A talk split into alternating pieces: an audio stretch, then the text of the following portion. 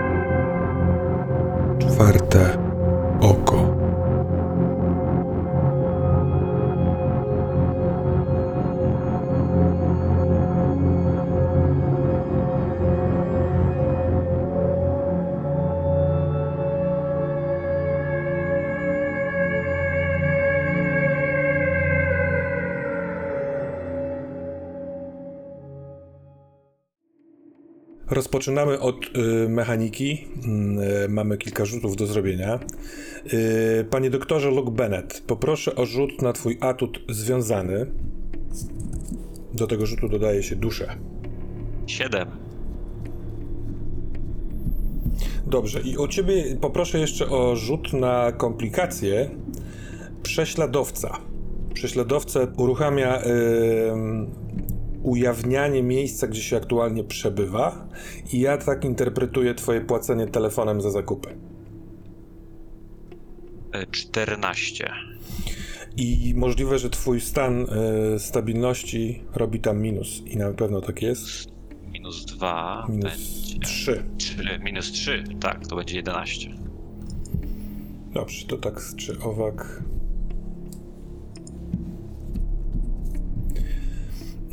I przejdźmy teraz do pani Molly Anderson, która najpierw poproszę ciebie o rzut na potępioną. To też jest komplikacja, to też ma, ma, ma na to wpływ stan twojej stabilności. 6, więc odejmujemy tą stabilność, która jest minus. a, Nie, poczekaj, na razie nic nie odejmujemy. Na, minus, na 6 jest koniec, jest bliski i wybieram dwie z powyższych y, możliwości. No dobra. To zaznacz jedno pole czasu, czyli masz, y, zostaje ci 5, 5. a ja skorzystam z drugiej w odpowiednim momencie. I proszę cię także o rzut na twój atut związana. I tutaj do, z dodatkiem duszy.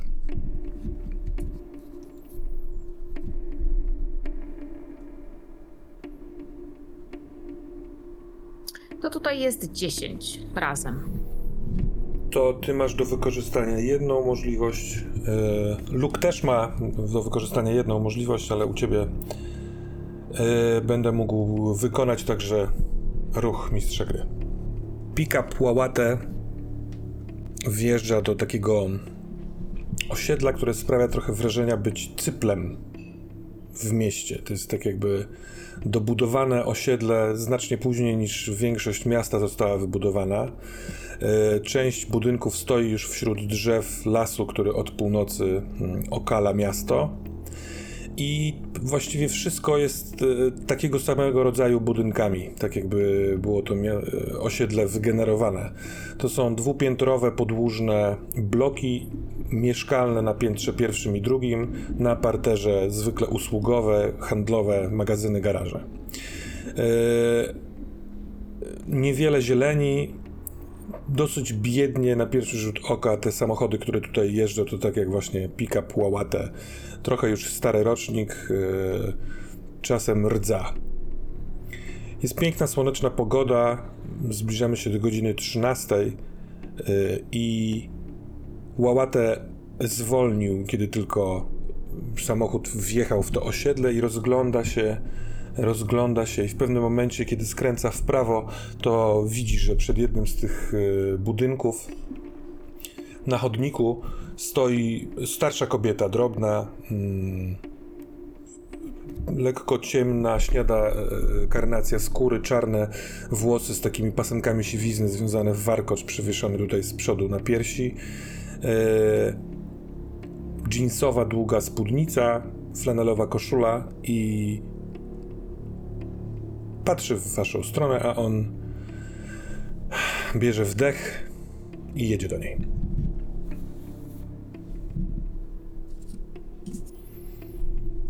Parkuje samochód na e, chodniku przy niej i krótko wam rzuca. To moja ciotka.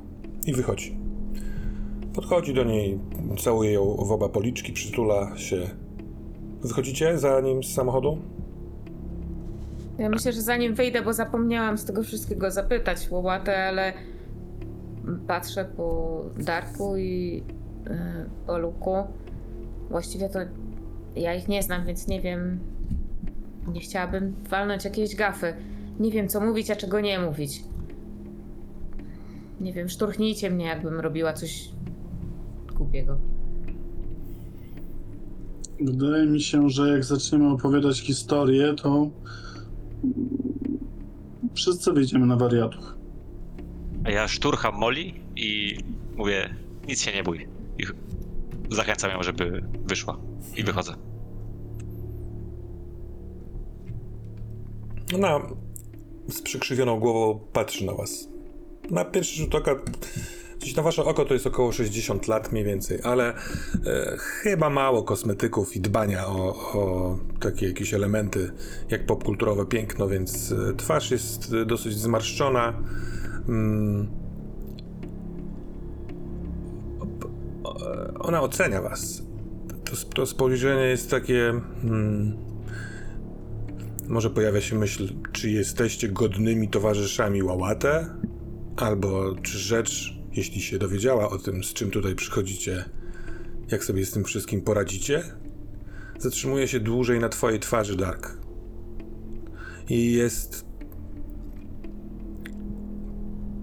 podobny do tego, który zdarzał się Marcie wzrok współczucia, troski. Kiwa głową. Mówi, witajcie, ja nazywam się Elizabeth. Jestem ciocią Łałatę. Wezwałam już swojego męża, powinien niedługo przybyć. Zechcecie wejść do mnie do domu?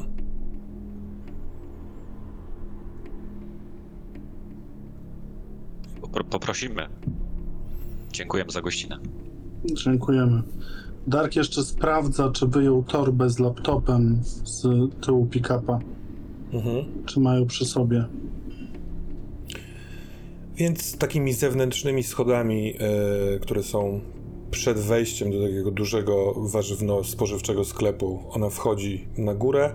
Łałatę idzie za nią, ale różnica wzrostu sprawia, że ona tylko odwracając głowę przez ramię widzi jego twarz na tej samej wysokości i coś do niego cicho mówi. To stara się, żeby nie była słyszalna dla pozostałych. On jest taki trochę przygarbiony, kiwa głową, i otwiera drzwi Elizabeth do jednego z mieszkań na tej antresoli. W środku zapach e, kadzideł, ale też bardzo, bardzo przyrodniczy zapach zieleni wszelkiego rodzaju. Są tutaj i kwiaty, i zioła, i przewieszone na sznurkach e, suszące się zioła. E, Włączone radio gra zupełnie niepasujący jakiś hit z lat 80. śpiewa Prince. I ona prowadzi was do, powiedzmy, salonu. Jest napakowany meblami, bo jest tu i kanapa, i telewizor do oglądania, ale też i stół, gdzie kilka osób może usiąść i zjeść, komody. Yy, duże okno z wyjściem na taki balkon i ściana drzew. Zielony, świeży, letni las. Siądźcie, proszę. Czy czegoś wam potrzeba? I, ja chciałem tak nieśmiało zapytać, bo widzę, że, że, że lubi pani przyrodę i, i zioła, a mnie strasznie piecze skóra i twarz. Może czekając na wuja naszego łałatę, może miałaby pani coś, co mogłoby mi pomóc trochę w uśmierzeniu tego bólu? Ona wyczekuje taką, powiedzmy, dramatyczną pauzę po tym, jak skończyłeś, a potem powoli podchodzi w twoją stronę. Pochyla się. No ja i moje zioła na to, co ty masz na twarzy, nic nie pomogą, gagatku. Gdzieś ty w lasu? Do płonącego samochodu? Wydaje mi się, że do piekła i wrócimy z powrotem. Wącha cię. Kiwa głową. Mówi do Łałates dwa, trzy słowa, których nie rozumiecie. Patrzy też pytająco na ciebie Molly i na ciebie Luke, czy może wy macie jakieś życzenia.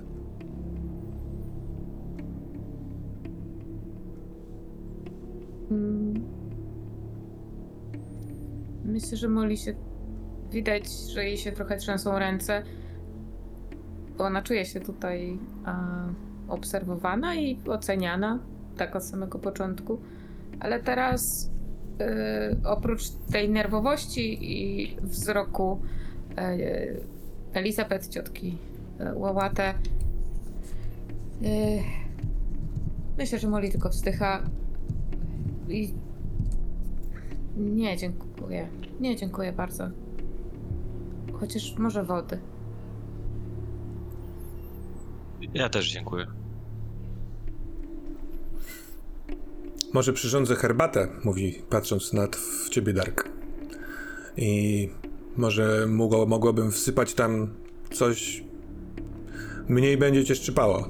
Ale nie wiem, jak podchodzisz do spraw dzisiejszego dnia. Czy musisz mieć trzeźwy i ostry umysł, czy możesz, powiedzmy, oddać się drzemce na jawie. Nie chciałbym drz- drz- drzemać na jawie, ale z chęcią bym jakoś dał ulgi sobie, bo bardzo nie lubię drzemać, szczególnie ostatnio. No to musisz dokonać wyboru, młody człowieku. Nie, to ja sobie usiądę tutaj, odpocznę.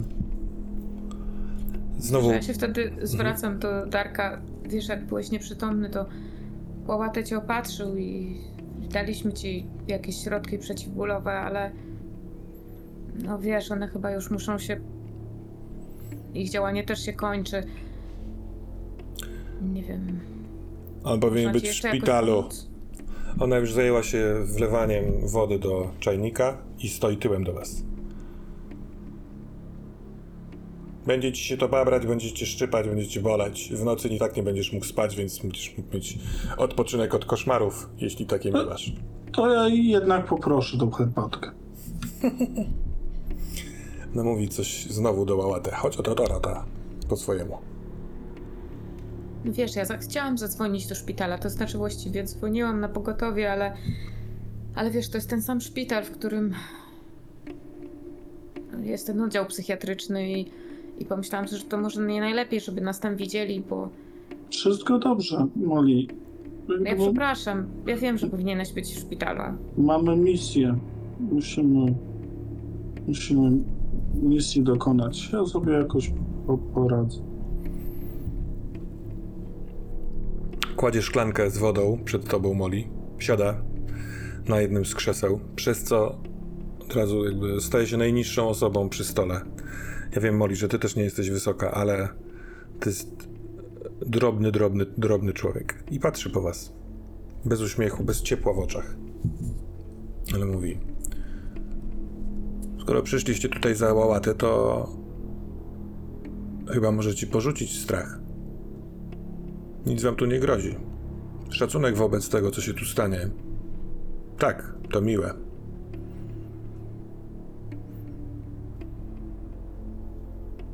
Strach kreuje rzeczywistość.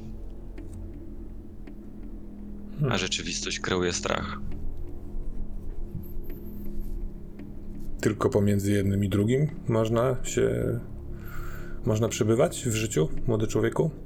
Pomiędzy strachem i rzeczywistością? Do tej pory konkluzja jest taka, że jest to wielce prawdopodobne. Życzę ci, żebyś jak najszybciej znalazł jakieś trzecie rozwiązanie. Jakiś ogień, który albo spali strach, albo rzeczywistość, albo napędzi cię. Albo Darka.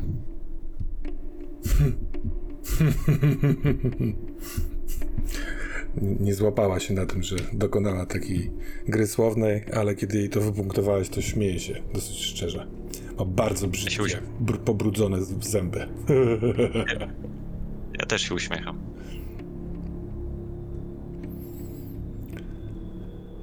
Ja nie wiem, czy się dobrze wyraziłem. Ja poproszę tej herbatki z tym, tym czymś, bo... Dobrze się wyraziłeś. Dobrze. Widzę, że i tak już drzemiesz na jawie. Mhm. Nie jest tak? Ja ostatnio jak się zdrzemnąłem, to prawie życiem to przypłaciłem. Ledwo się obudził. Łałaty mówił, że jest takim jakby głębokim śnie, jakby coś oglądał. Obserwowaliśmy go i tylko stąd wiedzieliśmy, że, że jeszcze żyje, że jeszcze oddycha, ale. No, Darek, no nie, nie wyglądałeś najlepiej. Kiedy się przebywa w takim śnie, trzeba zrobić wszystko, żeby się z niego wydostać. Wszystko. Tajemnice, które są tam do odkrycia, nie są warte ryzyka. Coś, co cię tam zraniło, jak widzisz, zraniło też ciebie tutaj. Mogłoby się tam zdarzyć coś znacznie gorszego. Nie mówię, żebyś się przestraszył przed zasypianiem, ale żebyś uciekał, jak tylko tam się dostaniesz. Ale ja rozumiem, ja nie szukam tego miejsca. To ono znajduje mnie. Ja wcale tam nie chcę być. A prześladuje mnie co noc, a ostatnio tak intensywnie, że aż moje ciało na tym ucierpiało.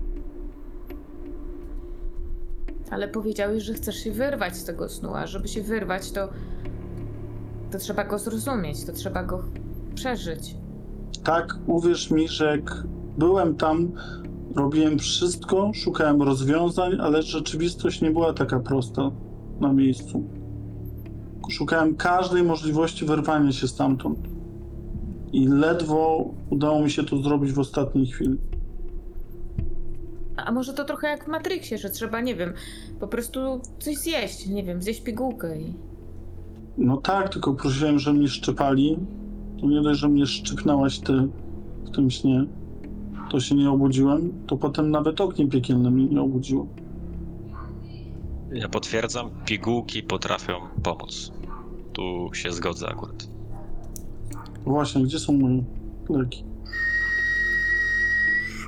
Dzwoni czajnik, więc ona wstaje, zamiata, że tak powiem, w powietrzu warkoczem i idzie do kuchni.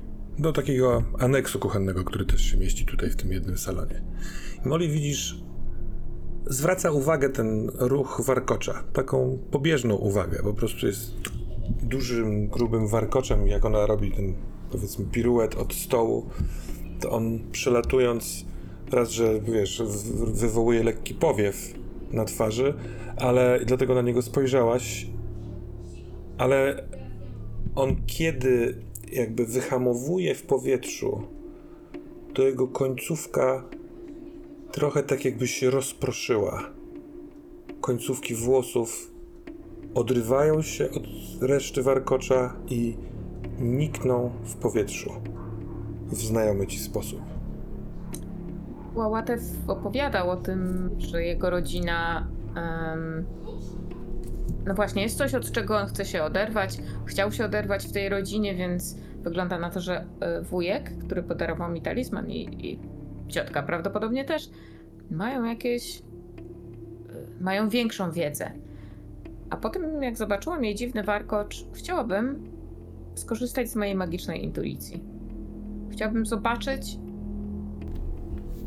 czy ona jest. Nie wiem, co w niej jest dziwnego. Dobra. Magiczna intuicja, twój atut. E, Rzuca się go wraz z duszą. Jest to 17. A więc wybierasz do trzech możliwości spośród tych, które są tutaj dostępne. Jeśli chcesz, to możesz dwa z, dwie z nich zostawić sobie na później w scenie. Y, tak, i, mnie interesuje y, istota, y, to znaczy jakby natura tej Elizabeth. Y, czy ona jest tutaj jakimś ważnym ogniwem, czy ona jest tutaj kimś ważnym albo jakąś E, chciałabym uzyskać odpowiedź, dowiedzieć się czegoś więcej, czegoś o prawdziwej naturze tej istoty. Kiedy spoglądasz na nią yy, po tym odkryciu tego warkocza, po wpatrzeniu się w jej plecy, kiedy podchodzi do blatu i tyłem do ciebie nalewa do dzbanka wrzątku z czajnika, w tym dzbanku wcześniej yy, wrzuciła do niego jakieś zioła, to zagapiwszy się na ten dzbanek, czajnik i wrzącą wodę wlewaną, masz wrażenie, że coś się zmieniło i kątem oka, aż przez chwilkę boisz się tam spojrzeć, ale jej plecy są zupełnie kim, czymś innym. I jak spoglądasz w bok, to widzisz plecy swojej matki. I masz silne, silne takie zakotwiczone wspomnienie, które e, uruchamia całe twoje, twoje ciało. Czujesz dreszcze, e, taki szok tego, jak wyraziste jest to wspomnienie. Kempingowa przyczepa, w której przez jakiś czas mieszkaliście. Suche, gorące powietrze z pustyni, gdzieś w Kalifornii, e, bo tutaj tym razem się zatrzymaliście rodziną. Twój ojciec nuci coś, ale nie rockowego, nie z festiwalu, z którego wracacie, tylko jakąś taką dziwną, ludową melodię, ale on jest z boku, a twoja matka właśnie przygotowuje napój oni tak często piją te napoje, które ona waży. I wiesz, że za chwilkę wydarzy się to, co się zwykle wydarzy. Ona za, zakryje dzbanek, po chwili zaparzania się rozleje do takich dwóch glinianych, niewielkich kubków i nabożnie zaniesie do tego kącika, gdzie twój ojciec śpiewa i razem będą nucić tę dziwną pieśń i pić zawartość. Twoja mama rzuci na ciebie okiem, jak będzie przechodziła w jego stronę. Tak jakby chciała sprawdzić, czy jesteś, czy patrzysz. I odwraca się Elizabeth. Odwraca się dlatego, bo poczuła, że się w nią wpatrujesz. Może coś poczuła innego, ale odwróciła się po to, żeby spojrzeć tobie w oczy. I te oczy, bo nie usta, ale oczy się uśmiechają do ciebie. I kiedy się te oczy uśmiechają, i to jest ciepły, szczery uśmiech jakiegoś zrozumienia albo połączenia, to widzisz, że część jej czoła nad prawą brwią jest przezroczysta. Nie, że widać wnętrze czaszki, tylko widać e, szafkę kuchenną za jej głową. I ona robi taki bardzo nieznaczne kiwnięcie w swoją stronę głową, tak jakby wiedziała na co tak naprawdę patrzysz. I w związku z tym, że ona to widzi i ty to widzisz, to będziecie mogli o tym porozmawiać.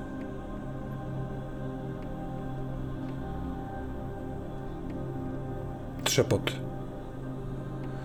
Tyluk na trzepot twoje ciało reaguje od razu. Skrzydeł ostatnio miałeś w swoim życiu dużo, a to jest trzepot skrzydeł i jest, kiedy się odwracasz, skąd to słychać, to otwarte okno, które jest przy tym takim dużym oknie na las, yy, na parapecie na zewnątrz siada sowa. No widocznie zanim usiadła, to kilka razy uderzyła skrzydłami i jest tyłem do was, ale robi ten taki swój sowi okręt głową, chrops o 180 stopni, a Elizabeth mówi przybył twój wuj Łałatę. I słychać kroki na zewnątrz, po tych schodach, po których wy wchodziliście. Łałatę podchodzi do, tych, do drzwi, otwiera, ale widzisz Mori, znasz Łałatę. On jest bardzo spięty te, tą całą sytuacją. E, otworzył drzwi, żeby wpuścić wuja, ale nie patrzy, w, nie, nie będzie na niego patrzył. Będzie omijał go wzrokiem.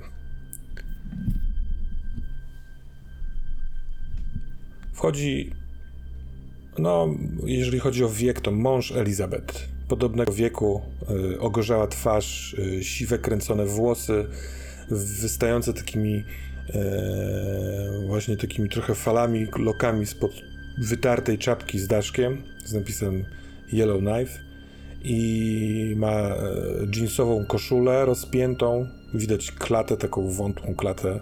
Jest trochę wyższy od swojej żony, ale też raczej zaliczany do małych ludzi.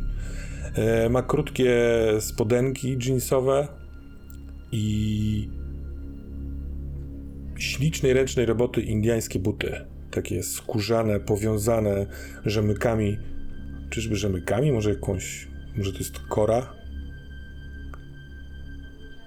I odstawia w przedpokoju kij, który mu służył jak taka laska.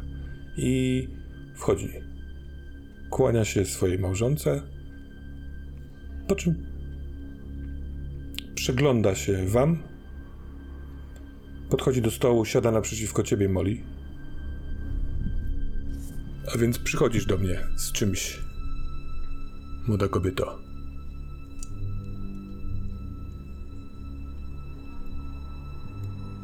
Słuchać jak Molly bierze głęboki wdech, a potem głęboki wydech i gdyby nikt przez chwilę tutaj... Znaczy w jej... W niej mniemaniu ten oddech jest tak głośny, że mógłby tutaj, nie wiem, poprzewracać jakieś kartki w, na, na... Nie wiem, jakby, jakby leżała otwarta książka. E, Widać, że ze stresu gdzieś pod... y, stołem e, zaciera ręce, ale myślę, że jakoś tak e, dość półoficjalnie wstaje, kłania się, bo ona zupełnie nie wie, jak zachować się przed takim człowiekiem, który chyba jest kimś ważnym. Przynajmniej tak, tak trochę mówi, mówił o nim Łałatę. Wstaje, kłania się, potem znowu siada. Y, Molly Anderson. Przepraszamy, że za to najście, ale to jest. Właściwie to jest bardzo ważne i dziękujemy, że pan zgodził się z nami porozmawiać. Jestem Niedzinuk, niedźwiedzi brat. Nie ma za co przepraszać. To, co powiedział Łabate, moja żona uznała za istotne. I skoro tak, to widocznie musieliśmy się spotkać. Przygląda się tobie. Hmm. Może, może zobaczyć, co jest w środku? Jego twarz jest taka trochę niezbadana. Może to tylko dziwny obrząd? Może to zabrzmi dziwnie, ale. Mm, wy- wydaje się, że niedawno, a może nawet i dawniej, kilka miesięcy temu, nasza trójka razem z jednym jeszcze mm, towarzyszem otarliśmy się o. o coś jakby pęknięty świat.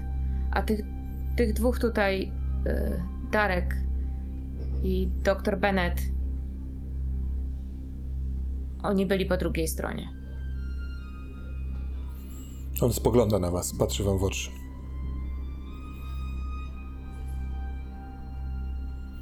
Przejście zostało zamknięte. Od świtu jestem w lesie, żeby sprawdzić, co się stało, ale nie widzę żadnego tropu, który mógłby mi to podpowiedzieć. Czyżbyście to wy byli odpowiedzią, którą mogę odnaleźć? To bardzo niedobrze, że to przejście zostało zamknięte. To bardzo niedobrze. Odwraca się w stronę Elizabeth i widzicie, że to jest spojrzenie, w którym on coś jej potwierdza jakimś niewielkim skinieniem głowy, gestem. I o ile to nie są ludzie, którzy mają emocje wylewane na twarzy, to widać, że ona, że to jest cios. Ale Dla- to przejście to chyba można otworzyć. Yy, Mój były psychiatra je otworzył i przeszli. Doktorze Bennett, może, może powiesz. To chyba można otworzyć takie przejście. Ch- jeśli to jest ważne.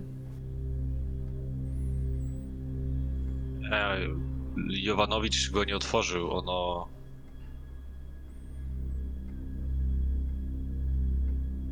Ono miało... Ono miało być otwarte, ale to nie za sprawą doktora Luki Jowanowicza. To nie była jego sprawa.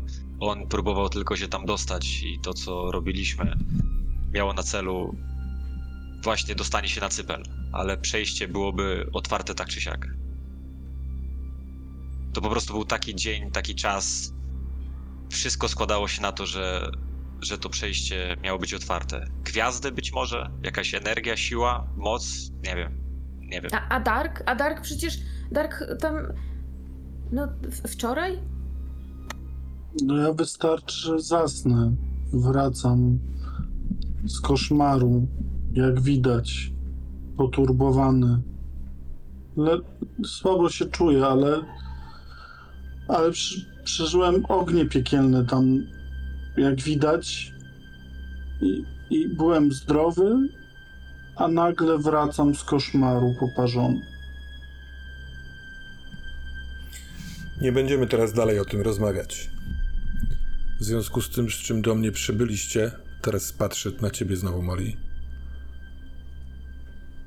Nie powinniśmy zajmować się innymi sprawami, tylko najpierw zatkać uszy, które mogą tego słuchać.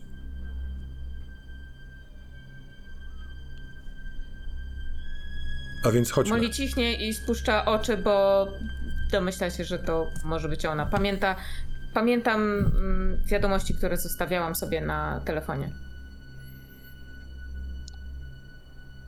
Ja idę, wstaję. On pokazuje, w w sensie kiwa w twoją stronę, Molly. I mówi, zatkaj uszy.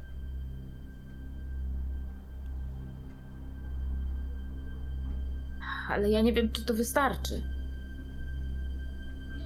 To, że ja nie słyszę, to nie znaczy, że. Wydaje mi się, że Zatkaj je. posłusznie zatykam uszy. Po prostu oboma dłońmi, jak dziecko, które się gdzieś tam chowa, chowa pod kołdrą i próbuje nie słyszeć jakichś krzyków za oknem. Kiedy e, Elizabeth przynosi ci Dark kubek, który paruje, stawia na stole, niezależnie czy będziesz go pił, czy nie będziesz go pił, zrobiła co była poproszona, to on bardzo cichym głosem, ale takim, który wystarczy i dociera do was, panowie, mówi: Zabiorę Molly do lasu, na polanę, na której postawiony mam rytualny wigwam. Będę potrzebował pomocy jednego człowieka. Więcej się tam nas nie zmieści. Czy pójdziesz ze mną, bratanku? I on, mimo że mówi do Łałatę, nie patrzy na niego. Tak, odpowiada Łałatę.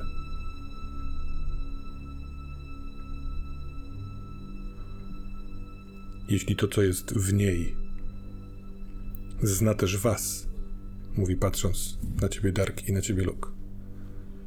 Może to dla was być niebezpieczne. Dlatego zostańcie tutaj, w moim domu. Albo w swoim samochodzie, gdziekolwiek. Nie idźcie za nami.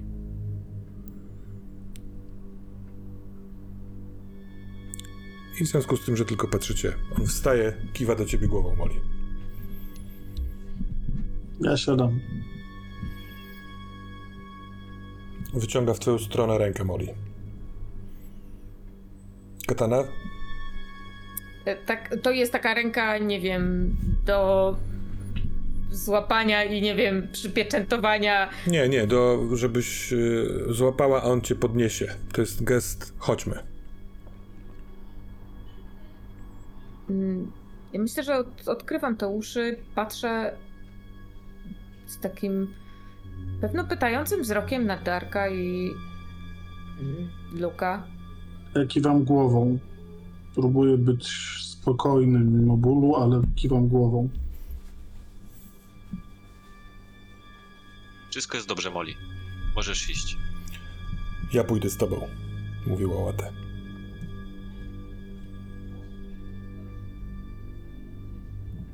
Myślę, że na odchodnym tak. Chciałabym może tak na pożegnanie, trochę mimowolnie, a trochę nie do końca e, Darka złapać za ramię i tak ścisnąć. Ja łapię cię moją dłonią, próbuję uścisnąć mimo grymasu bólu, bo niestety dłoń też jest poparzona.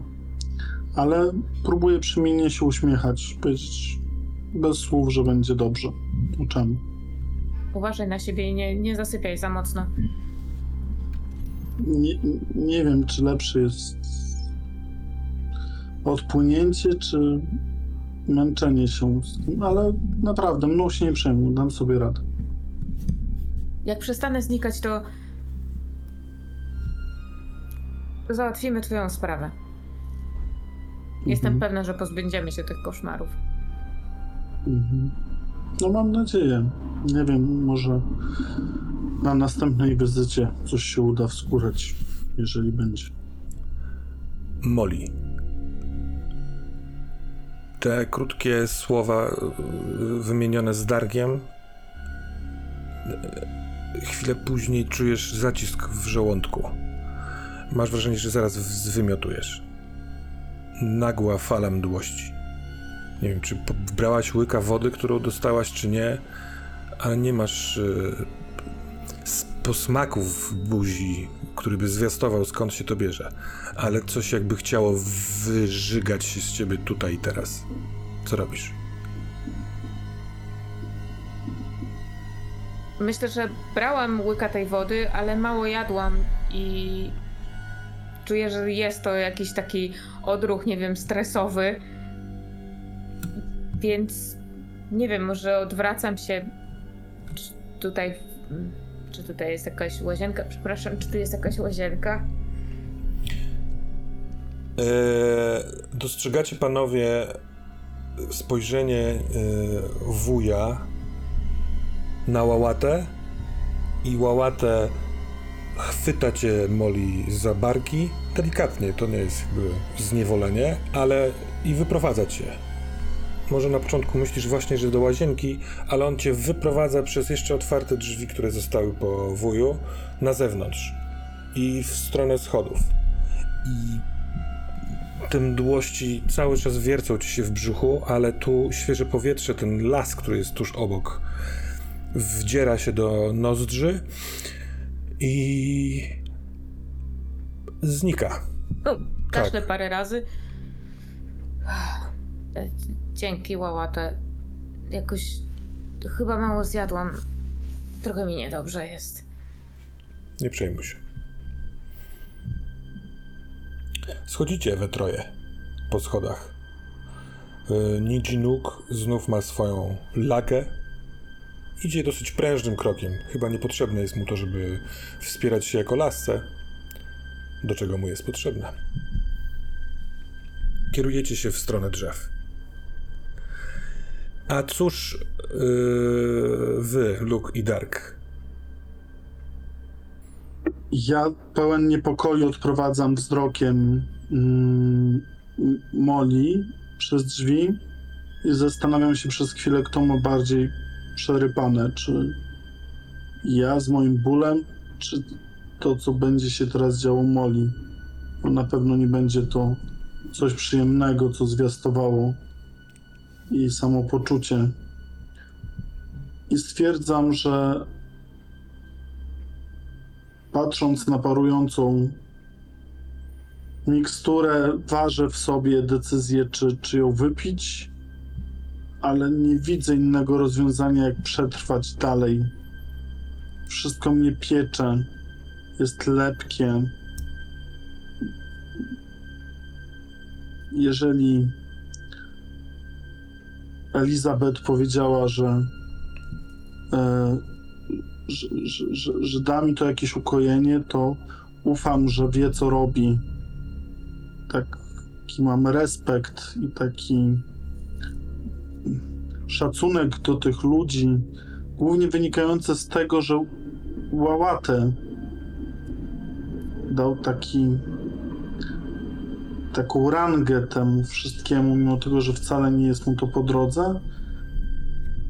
I patrzę, czy ten napar wystygł już na tyle, żebym był go w stanie dotknąć ustami i powoli sączę bez słowa. Ma zaskakująco słodki smak, nie, nie, nie kojarzący się bardzo z e, ziołami. E, jest jeszcze ciepły, ale kiedy tylko przełykasz go, to ten słodki posmak zostawia w, w przełyku e, przyjemny chłód. Ten chłód spływa w dół do jamy brzusznej tam się rozpościera.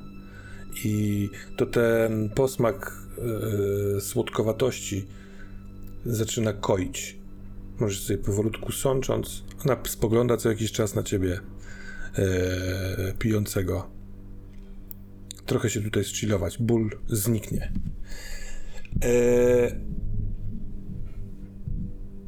ona widzicie, jak tylko oni poszli, otworzyła taką szafkę w kuchni, wyciągnęła z niej dwie duże skórzane rękawiczki e, i mówi: Idę na dół, mam jeszcze trochę pracy w warsztacie. Czy coś wam trzeba? Zostajecie tutaj? Chcecie zasnąć? Chyba nie. Czy coś wam trzeba? Czy, czy ja mógłbym zostać tutaj i, i skorzystać, jakby to nie zabrzmiało, z, z tego stołu? Czy, czy mógłbym tutaj popracować? Tak, oczywiście, że tak. Skorzystać ze stołu. Mam nadzieję, że nadal będzie stołem po tym, jak z nim skończysz. Mam taką nadzieję. Uśmiecham się. Oczywiście. Jeśli będziesz miał ochotę, yy, pokazuję palcem w stronę lodówki i kuchni, to częstuj się. A, a ja mam jeszcze jedno, jedno pytanie. Czy spotkała się pani kiedyś z taką nazwą jak kontestatorzy? Nie. Mówisz nazwą, tak jakby coś się nazywało w ten sposób. Rozumiem znaczenie tego słowa, ale nie spotkałem się z taką grupą. Być może organizacja? Być może organizacja? Mm. Nie. Za to ja dużo wiem o kontes- kontestatorach. Słucham? Nie, nie, mówię do kolegi, że ja trochę wiem o kontestatorach. Aha. O, to, to pogadajmy o tym. A jak czuje się Dark? Będę się da- na dole, gdybym była potrzebna. I ona wychodzi z mieszkania, idzie po schodach. Te drzwi dosyć niedbale przy, przymyka, ale one się nie zamykają do końca. Jeśli będziecie chcieli się odgrodzić od świata, to trzeba ci je zamknąć.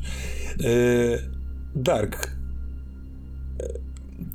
Napój stwarza chłód w środku, co sprawia, że yy, ten chłód jest na tyle bardziej yy, zwracający uwagę, że to szczypianie, ten, ten, to pieczenie yy, schodzi na dalszy plan.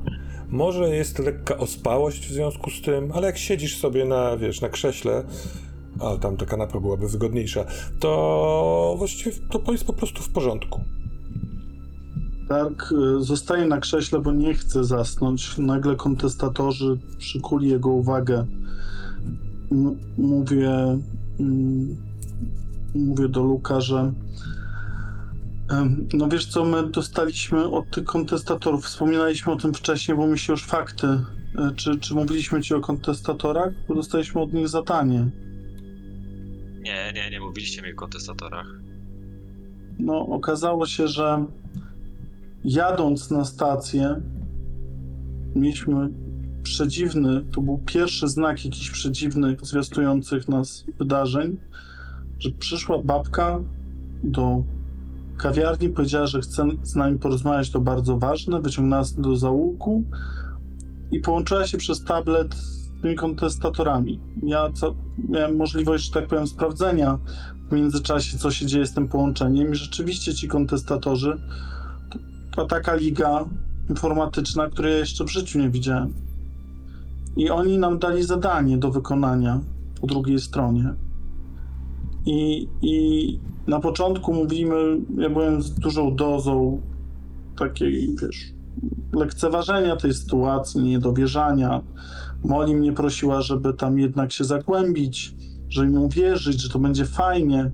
Natomiast jak już przybyliśmy, były te wypadki, to co się stało Moli, mi, to jak gdyby przesunęły. No, oni coś chcą z Metropolis, wiesz, i nawet mają możliwość, żeby dać mi mapę, gdzie to leży, mniej więcej, ale musiałbym się do nich odezwać. A czy ta kobieta, która się z tobą, z wami kontaktowała, czy szare włosy, srebrne włosy, kolczyk w nosie? Czy, Tak, czy... jakiś taki kolo obok niej, nie wiadomo czy to ochroniarz, prezes, czy nie wiem, szef wszystkich szefów.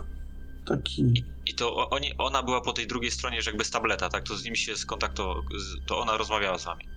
Tak, tak, i była taka hej do przodu, taka powiedzmy sobie bizneswoman, informatyczka new age'owego typu. A wiesz to, co macie pozyskać? Powiedz laptopa, jakieś dane? No tak, mamy złotego laptopa pozyskać za bardzo nie wiem, co z tym faktem zrobić, bo nikuja nie chce wracać, że tak powiem, po tego laptopa gdziekolwiek. Zgodziliście się, żeby to zadanie wykonać? Powiedzieliśmy, że zweryfikujemy ich dane, ona mi dała takiej zagadkę, powiedzmy sobie, do rozwiązania, żebym ja potwierdził, że oni rzeczywiście są jakimiś tam turbo informatykami, a też trochę rozmawiałem z nimi, powiem ci, bo tam sobie grzebałem w darknecie ze starych przyzwyczajeń i znalazłem takiego człowieka, który mi, mm, zna te tematy, powiedział, że może więcej coś powiedzieć, a do końca jeszcze go no, nie poznałem dobrze, ale jak gdyby jest. y, No i on powiedział, że jakby co, to, to, to poleca się, nazywa się Nightmare. Nie Nightmare, tylko Nightmare jako rzechowy koszmar. To jeszcze jakiś zbieg okoliczności. No. A więc, no, oni chcą nam dać zadanie. My nie wiedzieliśmy, później było za szybko, żeby w ogóle o tym myśleć. Ja na sam koniec zapytałem o tego laptopa. Eee, no, te, no, tą Martę, tego brzydala, co tam, tego, co powstało z Marty. No i jak gdyby on się jakoś nazywał Wiktor, Liktor, nie wiem. Eee, I, i, I ona po, powiedziała, wypowiedziała takie zdanie ważne, że jak zadałem pytanie o tego laptopa, to ona powiedziała, że Gamchikot wysłał za nami swoje psy. To przez tego laptopa? Dlaczego wy jesteście tacy ważni? I to mnie zastanowiło, że jak gdyby oprócz tej Marty, która ciągle miesza, wydaje mi się, że jest jakiś jeszcze jeden gracz, który coś od nas chce. Nie wiem kto, nie wiem co. po, po, po, pozwól mi, proszę. Pozwól mi, proszę, bo to jest bardzo, ale to bardzo ważne. Yy, to, to, to anioł śmierci. Jeden, jeden z aniołów śmierci władających którymś tam królestwem w Inferno, czyli po tej takiej, takiej upside down, bo jest Metropolis i jest Inferno. Czyli jakby to góra-dół, można tak powiedzieć.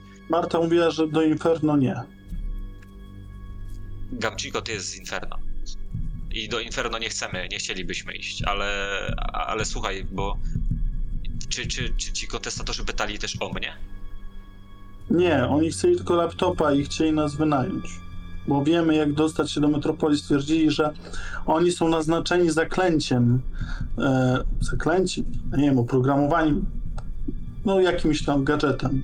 Że za każdym razem, jak próbują się dostać, to są przeklęci, jak gdyby i są widoczni dla wszystkich e, złych. I mają tylko jeden złoty komputer, który pozwala im się poruszać w sieci, ale nie ma dostępu do samego Metropolis.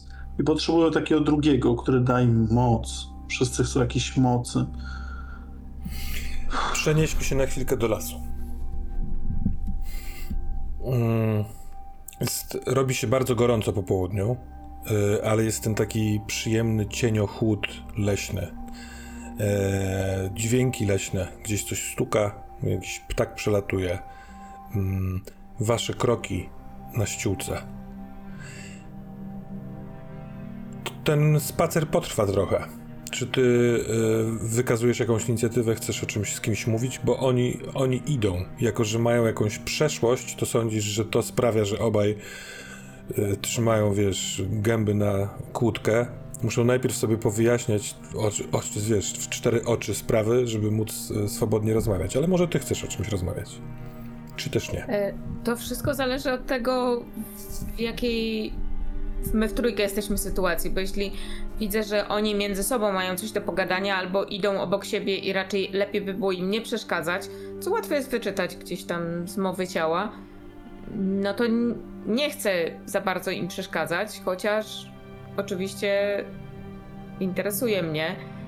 I może w którymś momencie Molly pęka i może w którymś momencie delikatnie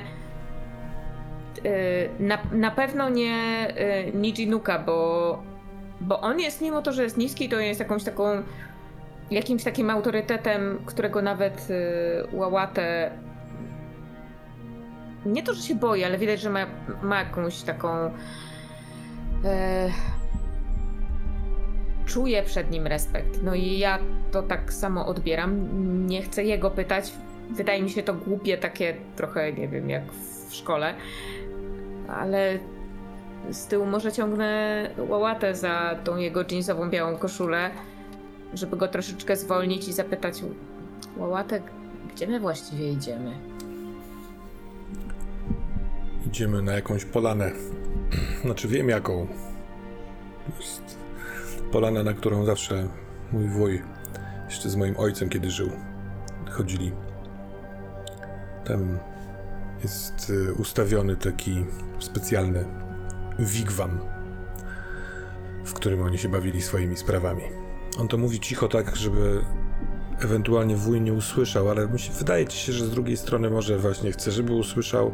Ten jego mocny, basowy głos niesie się w tej ciszy leśnej, yy, ale Nijinuk nie reaguje na to. Nie wiem, co tam się stanie, Molly. Ale będę z tobą. No widzisz, widzisz, dlatego cokolwiek tam się wydarzy, to no wiesz, cieszę się, że tutaj jesteś, bo, bo to jest ważne, że widzisz, jakieś popaprane rzeczy się dzieją. I to nie jest tylko to, że ja miałem jakieś, e, jakąś medyczną historię choroby psychicznej. To nie jest tylko to. Dobrze wiesz, że gdyby to była tylko kwestia leków, to można by to było załatwić.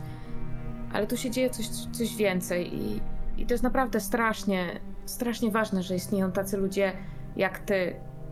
No, pewno jak twój wuj. Którzy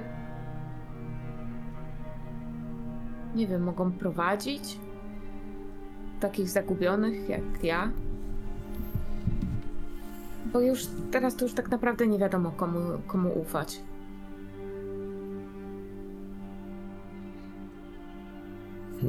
Łatwo się zgubić w tym całym świecie goniącym za. Nie wiem. Za wszystkim. Za karierą, za pieniądzem. I kiedy wydarzy się coś dziwnego, to nagle nie wiemy, co z tym zrobić. Potrzebny jest ktoś taki, kto. Kto będzie nas trzymał za rękę i prowadził. Nawet na taką dziwną polanę. Chociaż zupełnie nie wiem, co tam się wydarzy.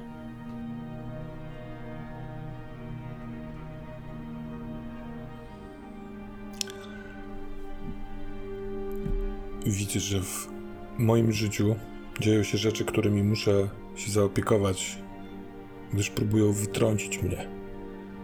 Przyczajone w cieniach szykują zasadzkę. Kiedy się z nimi uporam, a mam nadzieję, że wkrótce, to znów będę mógł robić rzeczy, które chcę robić. W czasie i w przestrzeni, w której nie muszę być czujny.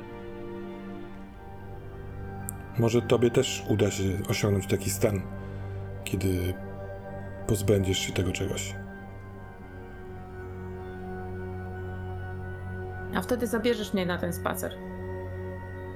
Zanim znikniesz. Zanim zniknę. Może to znikanie też jest czymś, z czym trzeba sobie poradzić. Oczywiście, chyba że chcesz zniknąć. Myślisz, że ja to zaczęłam? Nie wiem. Nie spotkałem się z nikim, z niczym takim. I teraz zniżam głos, tak ściszam trochę głos. A twoja ciotka, Elizabeth? Co z nią?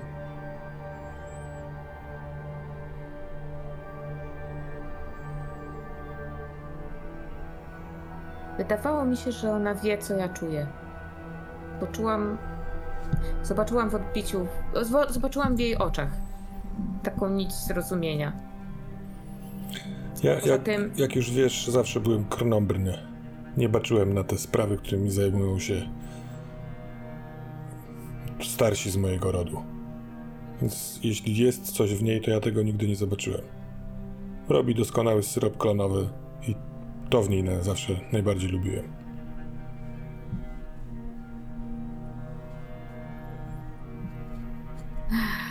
Racuchy z syropem klonowym. Łałatę, mówi Nijinuk. Zaprowadź Molly. Dołączę do was. I on chyt skręca w lewo i schodzi ze ścieżki, idzie pomiędzy drzewami, gdzieś w las. A wy idziecie dalej. I po kilkunastu jeszcze minutach jest, najpierw pojawia się troszeczkę skośny, schodzący w dół, mm, taki leśny trakt i po chwili mm, drzewa żedną i coraz bardziej widać po- pomiędzy nimi, że schodzicie do jakiejś takiej leśnej doliny i w pewnym momencie ściana drzew się kończy i widzisz rzeczywiście nieckę wypełnioną polaną. Drzewa w takim dużym, naturalnym kręgu rosną e, wokół tej polany. E, To jest duży kawał, wiesz, łąki, wysokie trawy, trochę nierówny teren, chyba jakiś niewielki potok e, przecina tę polanę i na jej środku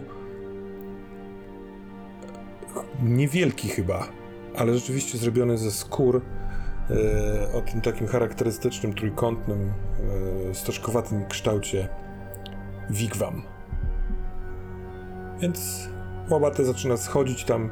Yy, To zejście jest mm, raczej, w sensie nie jest stromo, to nie ma zagrożenia potknięcia się, ale on i tak patrzy z taką ręką w rezerwie, czy ty potrzebujesz, żeby ktoś asekurował ci przy takim schodzeniu, czy nie. Potrzebujesz? E, nie, myślę, że ja fizycznie czuję się całkiem dobrze, chyba że przez chwilę mi przez myśl przychodzi, że może mi noga zniknie i spadnę i zacznę się bardzo, po prostu potknę się i będę się kiepsko turlać z tej górki, ale nie dopuszczam do siebie tej myśli. Em, ale tutaj jakoś nie wiem, spokojna rozmowa z Łałatę, ale dla mnie, dla Moli tak em, atmosfera gęstnieje, bo coś nam mówiło o tym, że no nie na moim wprawdzie, ale coś jest na tropie y, Beneta, coś szuka coś jakby coś nam stąpa po piętach. Niby nie mnie, ale mam takie poczucie, co jeśli coś będzie chciało przeszkodzić y, Nijinukowi? Coś jest, co jeśli coś się, nie wiem, czai tutaj może to jest ta neurotyczność, może to jest właśnie ten, ten, ten stres związany z, mm, z, z psychologicznymi zaburzeniami, ale po prostu Molly się zaczyna rozglądać. Mhm. I y, chciałabym zobaczyć, czy. Bo co tu masz jeszcze dwie możliwości z tej swojej magicznej yy, intuicji. właśnie, właśnie. Chciałabym. Mhm. Pomyśl sobie, ale ja ci już powiem o dwóch spostrzeżeniach, które skoro jesteś taka czujna i się rozglądasz, to nie umkną ci. W trakcie tej rozmowy i spaceru i marszu to nie rzucało się aż tak w oczy, ale teraz, kiedy schodzisz skośną ścieżką w dół do tej doliny, to widzisz, że drzewa, które okalają ten krąg, to są bardzo, bardzo wysokie, stare drzewa. I jak odkrywasz to, to widzisz, że ten las jest cały, że to, to miejsce, taka, ta, ta, ta, ta wy- wycinka jest otoczona jak takim kloszem, jak taką kopułą y, z drzew. I masz wrażenie, że to chociaż mm, majestatyczne, czy takie gr- groźne, ale nie zagrażające, raczej pełni funkcję jakiegoś takiego ochronnego muru. Nawet szelest liści, szum wiatru są przyjemne. Ale nieprzyjemne jest to, że któryś z kroków, który stawiasz, i zwykle człowiek ostrożnie stawia w takich sytuacjach nogi, widzisz, że spod twojego buta unosi się dym. Więc podnosisz szybko stopę odruchowo, żeby zobaczyć, czy nie nadepnęłaś na jakieś ognisko, ale tam się nic nie pali. To twoja stopa, twój but?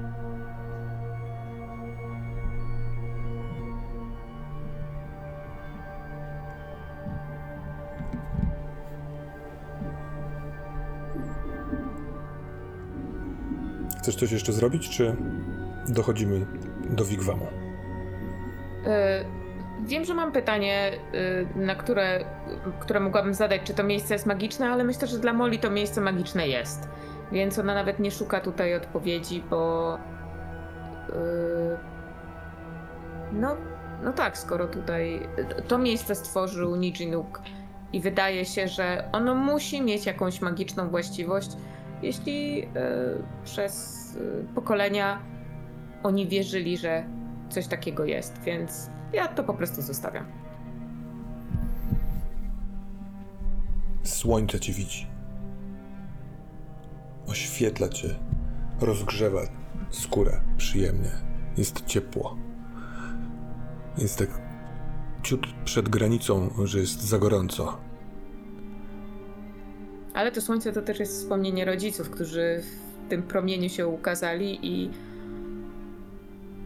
i rodziców, którzy kazali karm- karmić się taką energią słoneczną, więc słońce nie, niby jest przyjemne, ale jest trochę straszne. Są to rodzice, którzy cały, nam, cały czas na mnie patrzą i próbują przyciągnąć do siebie. Przy, wciągnąć swoją, na swoją stronę.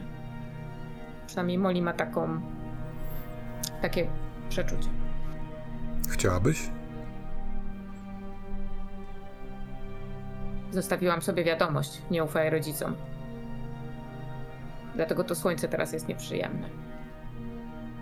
Nawet nie zauważyłaś, ale jakimś innym wyjściem z drzew e, wyszedł e, wuj, schodzi też w stronę Wigwamu. Mniej więcej w tym samym momencie docieracie. To jest e, niższa budowla niż wzrost Łałata. Jeśli on tam będzie wchodził, to będzie musiał się pochylić. E, okrągła podstawa.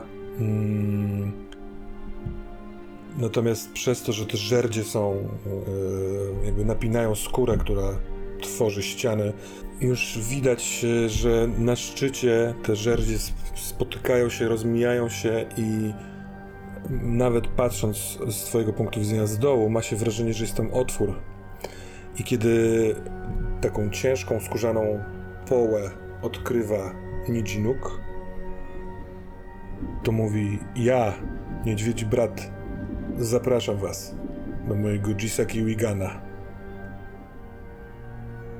I czeka aż wejdziecie.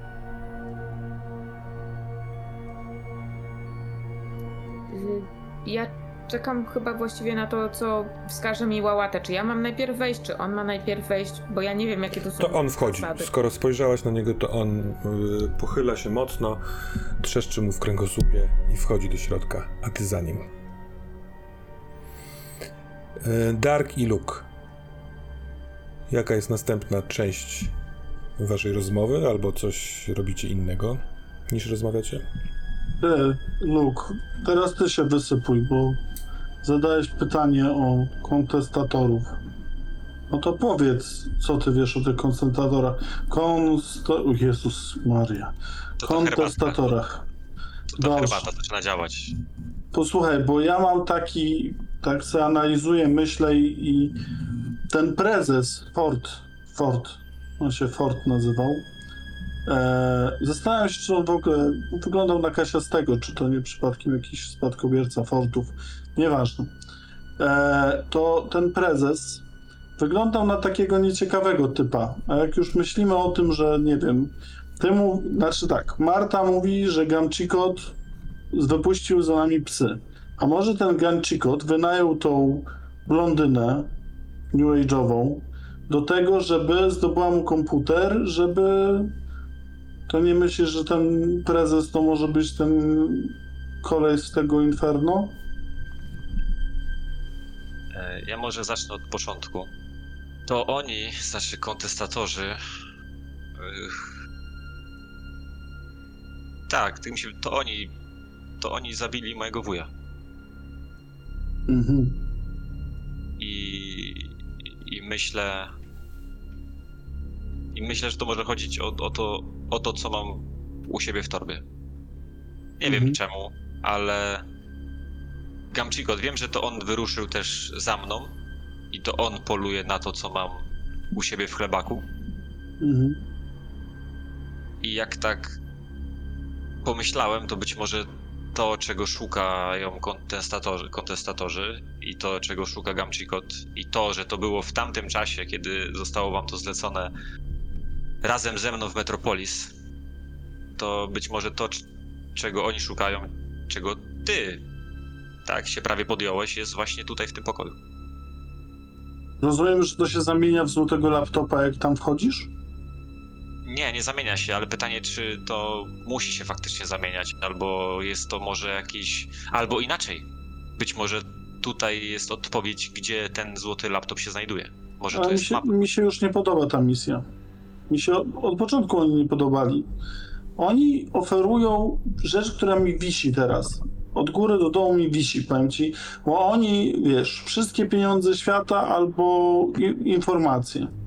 Ja już mam za dużo informacji. Chciałbym mieć trochę mniej cierpienia, a nie informacji. A czy ty, Luke, masz wystarczającą ilość informacji? Czy to, co powiedział ci e, Dark, jeśli powiedział ci wszystko, myśl o twoim chlebaku i o tym, co jest w środku, czy to nie uruchamia twojej obsesji? Jak się teraz czujesz? Wydaje mi, się- wyda- wydaje mi się, że tak, bo pierwsza myśl, jaka pojawiła się, gdy usłyszałem o, o, o tej możliwości, gdy pojawiły się te fakty, to żeby rozpakować to wszystko, zajrzeć do środka i szukać informacji o tym złotym laptopie i być może być może znaleźć go w środku w jakiś sposób. Mhm. To znaczy może drogę do niego, bo teraz yy, to pytanie o to, czy on się zamieniał z złotego laptopa, o ile jakby nie było absurdalne, to ja jestem w stanie w to uwierzyć, że tak mogłoby się zdarzyć. I, I że ten złoty laptop to równie dobrze może być jakaś metafora. To może mimo tego, że pamiętasz bardzo dobrze, jak dzisiaj rano w, jeszcze w mieszkaniu Moli yy, Łałatę mówił o tym, żeby nie otwierać przy nim tego chlebaka, że to może być niebezpieczne, to ja bym chciał, żebyś sprawdził rzutem kośćmi na obsesję, czy będziesz w stanie się powstrzymać. Tu masz też minus z, ze stabilności. Ale ja nie chcę się powstrzymywać. Wiesz co, tak czy owak, chciałbym rzucić, żeby zobaczyć, ile będę miał ewentualnych punktów wpływu. To mam tak 13 i skąd to 10 wychodzi w takim Mhm. razie. Dobra, to cóż takiego robisz? Y, To od, wyciągam zapiski. Yy, No i kontynuując niejako rozmowę yy, w miarę możliwości z Darkiem, szukam informacji na temat złotego laptopa, jakby Mhm. może, albo inaczej tej możliwości podróżowania pomiędzy Elysium a, a Metropolis właśnie za pomocą takiego urządzenia, że to działa trochę jak te dwie puszki na sznurku, tak, że można, że pod, dwa są potrzebne takie urządzenia, żeby, Mhm, mhm. żeby, się, by się przebić, może Dobra, w tym kierunku bym chciał pójść. to w takim wypadku będziemy e, korzystali z Twoich e, umiejętności. E, przede wszystkim okultystycznej biblioteczki, ale Ty masz takie combo zrobione, prawda? E, że wykonując ruch zbadaj, możesz korzystać też z pytań analityka, a rzut na okultystyczną biblioteczkę korzysta z rozumu, tak jak zbadaj, więc tak jak wcześniej uznajemy, że rzut na okultystyczną biblioteczkę uruchamia też analityka. Nie wiem, czy to jest Tak. w miarę jasne to, co powiedziałem, ale po prostu rzuć plus rozum.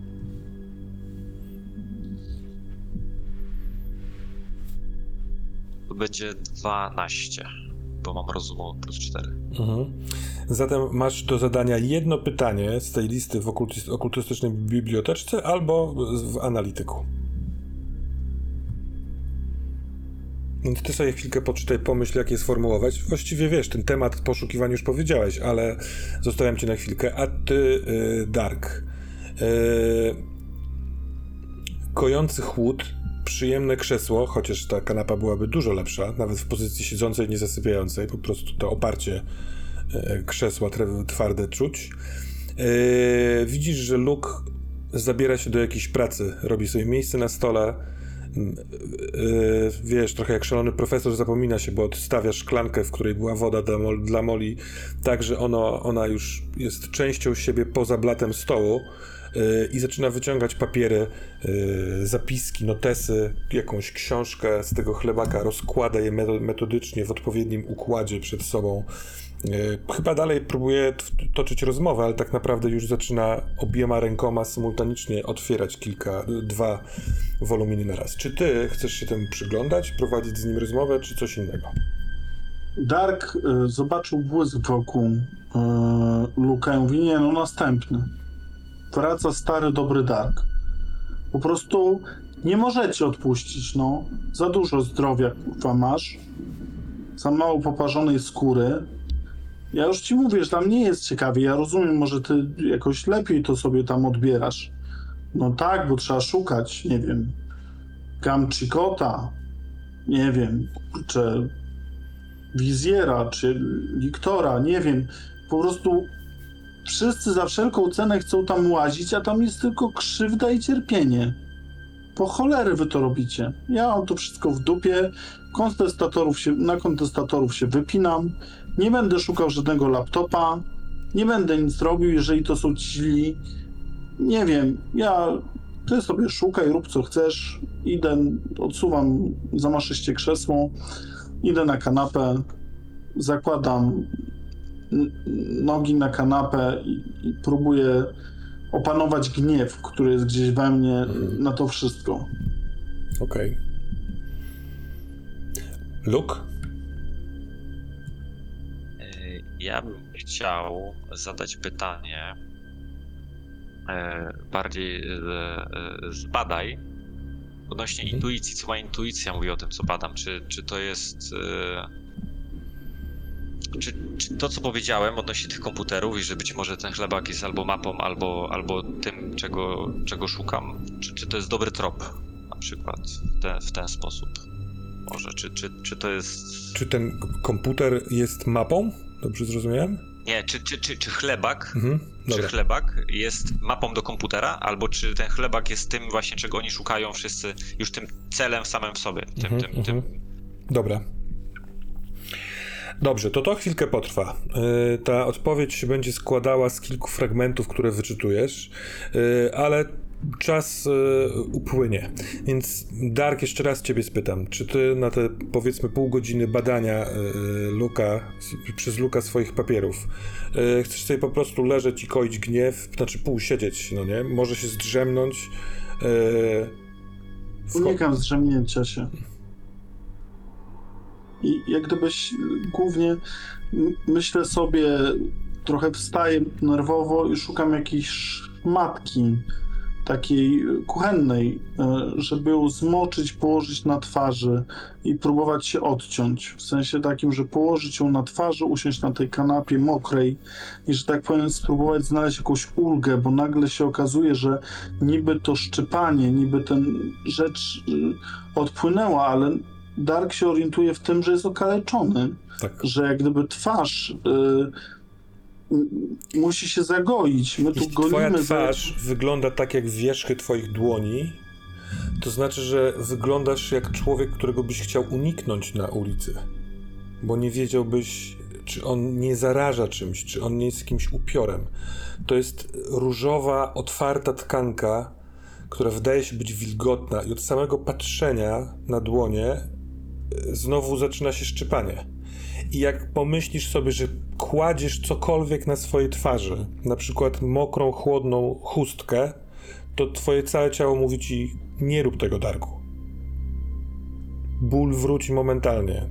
Żadnego nie dostaniesz ukojenia.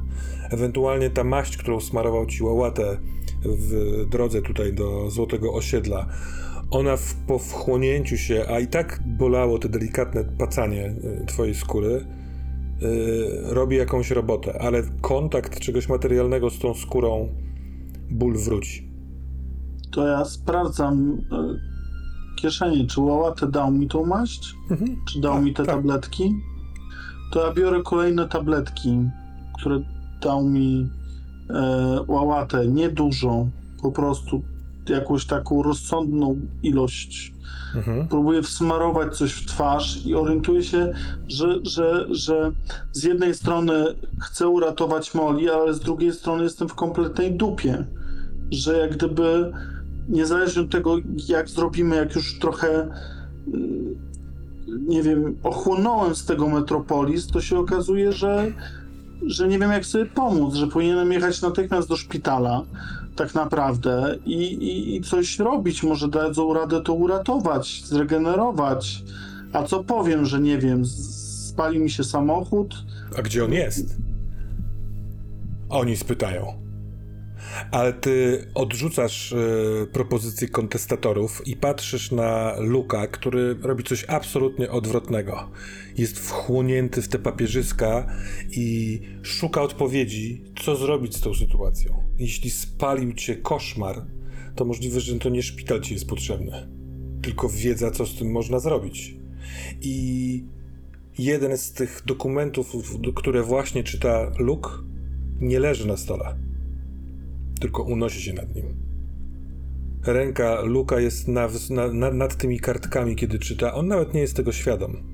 Przywraca kartkę, ten zeszyt trochę się, wiesz, ch- chybocze na powietrzu. A może to ta herbatka Elizabeth to sprawiła, bo naprawdę jest, yy, jest chillująca. Luke, Mm. Przejścia z Elysium do innych wymiarów, do innych światów i do, widzisz w kilku miejscach kilka odnośników, bo zarówno do Metropolis, jak się okazuje, do tego Inferno też można po prostu sobie przejść. Może nie po prostu. Do Krainy Snów, która zwana jest Limbo w niektórych tych miejscach tutaj, w tych notatkach. Do Podświata, to są miejsca, które nie powinny być w ogóle otwarte, tylko powinny być otwierane na życzenie tych, którzy pilnują waszego więzienia, czyli przez, e, likto, e, przepraszam, przez archontów i przez anioły śmierci. A jednak, jak pisał chyba twój wuj w jednej z tych notatek, tych miejsc jest kilka i oni już nie potrafią ich kontrolować jest przed, zrobiona, wiesz, strzałka, na końcu tej strzałki numer innej strony, więc kiedy znajdujesz w innym notatniku yy, inną, właśnie tą wskazaną stronę, a jednocześnie robisz w tych swoich notatkach, tak jak wcześniej mówiłeś, taki porządek, yy, jak się w tym w ogóle poruszać w w tych papierach, to tam wuj pisze, skoro są przejścia, które nie są kontrolowane przez strażników, to może jest prawdą, że to więzienie pęka że coraz większy przewiew się dostał do nich, do tego więzienia, co rozwiera drzwi jeszcze szerzej. I to jest jedna strona tego Twojego pytania o przejścia i o drogi. A druga, ta intuicyjna próba wyczucia, czy chlebak jest odpowiedzią. Nie jest. Natrafiasz na, na tyle e, ro- porozrzucanych takich tropów, że to nie chlebaka, to nie chlebak jest czymś, co chce się odnaleźć, tylko w chlebaku będzie odpowiedź, podpowiedź albo właśnie mapa, jak dotrzeć do tego czegoś. Niech to będzie w ten sposób w fikcji, że i wuj, i ojciec, kiedy sobie pisali te rzeczy, to wiesz, w nawiasach żartowali do siebie no nie? Że rzeczy, które my tu zapis zapisujemy, na pewno będą kiedyś bardzo wiele warte. Więc taka jest ta intuicja. Molly. W środku jest ciasno i ciemnawo. Tylko właściwie światło wpada w ten niewielki taki otwór w suficie. E, Jest trochę duszno przez to, że na zewnątrz jest gorąco, bo jest lato, a tutaj no nie, ma, nie ma specjalnie innych szczelin niż ten cały taki wywietrznik. E, To w tym półmroku jest po prostu ciepło, człowiek szybko się zaczyna pocić.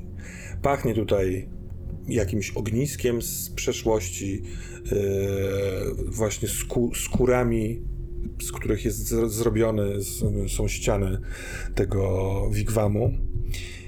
I na środku podłogi, on to jest taka uklepana, bardzo twarda e, ziemia. Wszystkie źdźbła trawy już dawno zostały wytarte. Jest mm, niewielkie mie- znaczy miejsce na niewielkie ognisko otoczone y, kamieniami. Jak tylko weszliście, to Nijinuk zaczyna dokładać tam y, patyków, które są tuż za wejściem do wigwamu przy ścianie. I są takie trzy niewielkie kocyki, które trochę wskazują miejsca do siedzenia. Yy, Nijinuk, kiedy przyszedł, dołączył do was z tego innego kierunku, miał w, rąk, w ręku dwa zwoje. Po chwili badania, a masz ku temu okazję, yy, wiesz, że to jest zwinięta kora, chyba brzozy, bo są takie charakterystyczne ciemno-białe yy, zabarwienia. Jeden z tych zwojów, a to jest po prostu zwinięta kora tworząca taki scroll, jest dosyć gruby i duży i wygląda na świeży, a drugi jest bardzo niewielki oraz jest, wygląda na bardzo stary z kolei. I on te dwa scrolle po wejściu położył na środkowy z tych dywaników, a potem zaczął y, pracować nad ogniskiem. W związku z czym Łałatę usiadł po jednej stronie tego jego środkowego dywanika i pozostawił tobie y, trzeci z tych dywaników. Jak będziesz chciała coś robić, przedsiębrać, to po prostu mi przerwij. Myślę, że ja usiądę na tym dywanie, który, dywaniku, który został mi wskazany, ale nadal nie wiem, czy. Bo jest tutaj taka atmosfera, y, nikt nic nie mówi, y, każdy wie, co robi, tylko ja nie wiem. Więc nie chcę być niegrzeczna, ale dokładnie tak mówię. Łałatę, nie chcę być niegrzeczna, ale co, co ja mam robić? Chyba musimy czekać. I ty, i ja.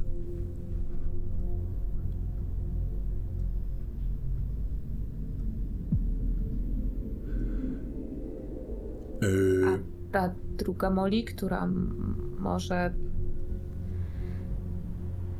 Myśl- Myślisz, że może powinnam coś zrobić, żeby.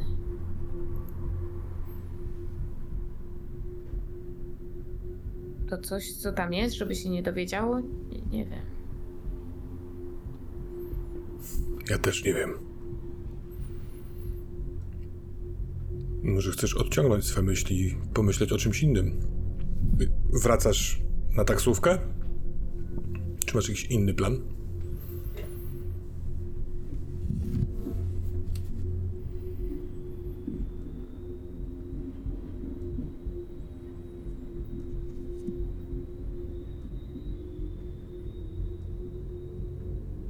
Jak to wszystko się już skończy, Łałatę, to powiedz mi. Opowiedz mi o tym spacerze, na który chciałeś mnie zabrać. To jest, jest daleko stąd? Trzeba iść, czy będziemy musieli zabrać pick-upa? Czy będę musiała przygotować trochę racuchów na drogę? Czy, yy, czy trzeba wziąć kakao? Czy może wystarczy tylko kanapka? Czy najlepiej tam jest iść, jak jest ciepło, czy może lepiej w zimę? On jest dzielny i próbuje ci od razu odpowiadać. Natomiast wiesz, że się odbywa tutaj jakaś taka gra spojrzeń, ponieważ jako, że to jest ciasne, malutkie pomieszczenie, to twoje pytanie jest doskonale słyszane także przez wuja, który właśnie ustawiwszy drwa w tym ognisku, podpala je. I kiedy mówisz, nie, czy mógłbyś mi opowiedzieć o tym spacerze, którym mi mówiłeś? On spogląda na łałatę, przez chwilkę nie widzisz jego wyrazu twarzy, bo on teraz, wiesz, jest tyłem, tył głowy do ciebie, ale podejrzewasz, że tam może być coś w stylu drwiny, uśmiechu, no czegoś, ale Łałata, tak jak mówiłem, jest dzielny. I zdecydowanie chciałbym, jest miejsce, do którego chciałbym cię zabrać zimą, więc powinniśmy się przygotować na e, nieobecność tu w Yellowknife, na może nawet dwa tygodnie. E, Możliwe, że wykonam sanie, które nam trochę pomogą. Możliwe, że weźmiemy psy, jeśli mój kuzyn mi je pożyczy. To będzie dosyć daleka droga, ale do miejsca, które podobno się go nie da zapomnieć. Ja tam jeszcze nigdy nie byłem. Zawsze myślałem, że powinienem się wybrać tam z kimś, z kim będę chciał zobaczyć miejsce, którego nigdy nie zapomnę. Kiedy ogień już się pali, bo udało się wujowi dokończyć, to on mówi: Jeśli znam to miejsce, o którym mówisz, łałatę, to na pewno przydaje się duża, duża paczka racuchów. Uśmiecha się do ciebie. Nidzinuk. Ale teraz.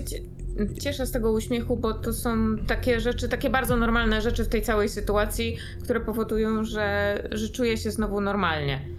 E, Abstrahując od tego, co się tutaj dookoła dzieje, więc staram się rozmawiać o rzeczach zwykłych, żeby nie popaść, żeby sobie nie wyobrażać za dużo, żeby sobie nie, nie, nie, nie wkręcać się w tę sytuację, która jest. Chyba nie będziesz miała czasu na wyobrażenia się, bo on tym uśmiechem skończył ten moment. Płonie ogień. On mówi: Jeśli masz telefon, to wycisz go, jakbyś była w teatrze. Z kieszeni yy, tej koszuli swojej wyciąga bardzo niedbałą taką garść ziół i zaczyna wsypywać je na płomienie. Bardzo nisko ma rękę, tak jakby te płomienie pozwalał, żeby one trochę lizały jego palce. I te płomienie nabierają przez chwilkę innej, lekko zielonkawej barwy przez obecność tych ziół. I tak już Ja pozostaje. wyciągam telefon i sprawdzam, która jest godzina. Próbuję zapamiętać, która jest godzina. Jest 13.33. Kiedy płomienie są już zielonkawe, on sięga do, na swój kocyk, bierze ten duży zwój świeżej kory i kładzie go pomiędzy ogniem a wejściem do wigwamu na ziemi. Po czym sam siada na swoim kocyku, ten scroll stary i mniejszy, biorąc dosyć nabożnie na dłonie, które opiera o kolanach, no, bo siedzi, siedzi z krzyżnym. Patrzy na łałatę, a potem patrzy na ciebie i w tym wzroku masz wrażenie, jest informacja. Zaczyna się. Co czujesz, Molly?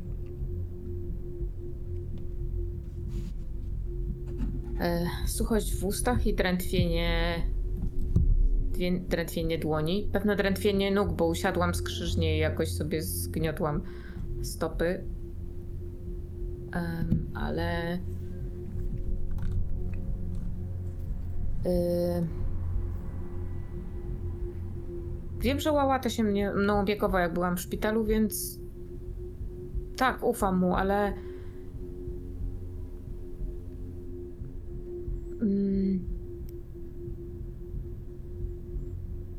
Chciałabym, żeby tu był Darek, bo wydaje mi się, że tylko wtedy czułabym się naprawdę bezpiecznie. Cokolwiek by się wydarzyło, to nie wiem. Wiem, że on by był na przykład w stanie przerwać jakikolwiek rytuał tutaj się nie dzieje, żeby to, e, no, nie wiem, żeby mnie ochronić. No ale Nijinuk wiedział, że nie wiem, z jakiegoś powodu go nie wziął. A powiedz mi, ta myśl o Darku, kiedy wigwam zaczyna być wypełniony gęstym, zielonkawym dymem, bo dosypanie tych niewielu ziół to, to sprawiło, że ten dym, który wcześniej wydobywał się przez e, świetlik i nie zostawiał, nie zostawał w wigwamie, teraz jest zbyt ciężki albo jest go za dużo i zaczyna tu być bardzo dymnie i duszno. A ta myśl o Darku wywołuje w tobie poczucie samotności i pozostawienia? Czy poczucie ciepła, bo wiesz, że gdzieś tam jest ktoś, kto chce cię chronić?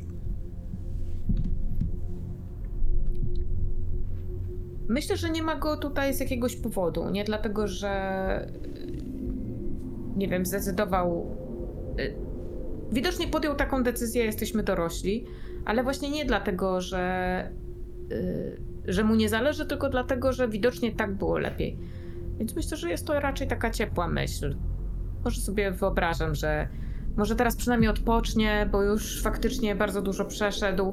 Może nawet lepiej, że go tutaj nie ma, bo by kto wie, może, może by się martwił, może nie, Ale on też na pewno potrzebuje odpoczynku, więc. Więc tak, jest to jest takie, jakieś takie ciepło. To może to ciepło sprawia, że nie czujesz niepokoju, kiedy gleba, ta taka wyschnięta gleba, która jest podłogą, w miejscu, gdzie wuj zostawił ten duży scroll, zaczyna drżeć i widzisz, jak tak ci się wydaje w tym dymie, jak z podziemi zaczynają wychodzić pajęcze odnóża. Coraz więcej na glebie. Ta myśl o Darku, który gdzieś jest, koi, albo to te zioła sprawiają, że masz ciężkie powieki i pełną akceptację tego, co tu się wydarza. Darek i Luke. Luke, po odkryciu tego, co odkryjesz, jestem ciekaw, jaką scenę chciałbyś zaproponować od siebie. I tak samo od Darku, mm, co się dzieje z Twoim życiem teraz? Darek na początku próbował się trzymać, dlatego że myślał o Moli. Moli na chwilę nie ma. Darkowi puszcza. Na początku to była agresja, ta agresja przeszła. Tak samo jak przypłynęła, odpłynęła. Patrzy na tego wariata Luka po prostu w zajobie po prostu szukania informacji i i się rozkleja. Po tych wszystkich myślach dotyczących tego, jak będzie wyglądał, przez chwilę myśli o Moli, czy co z nią będzie, ale poszła z Łałatę. On ufa Łałatę. On wie, że między Moli a Łałatę jest jakaś więź, jakiś. hmm, Ona mówiła o tym talizmanie, amulecie, że, że on jakoś czuje spokój w tym, że ona jest bezpieczna. Ta myśl odchodzi i on płacze. On po prostu jest zmęczony życiem. Jak gdyby łzy mu same lecą. Jest na tej kanapie. Ta kanapa, mam nadzieję, jest poza wzrokiem Luka.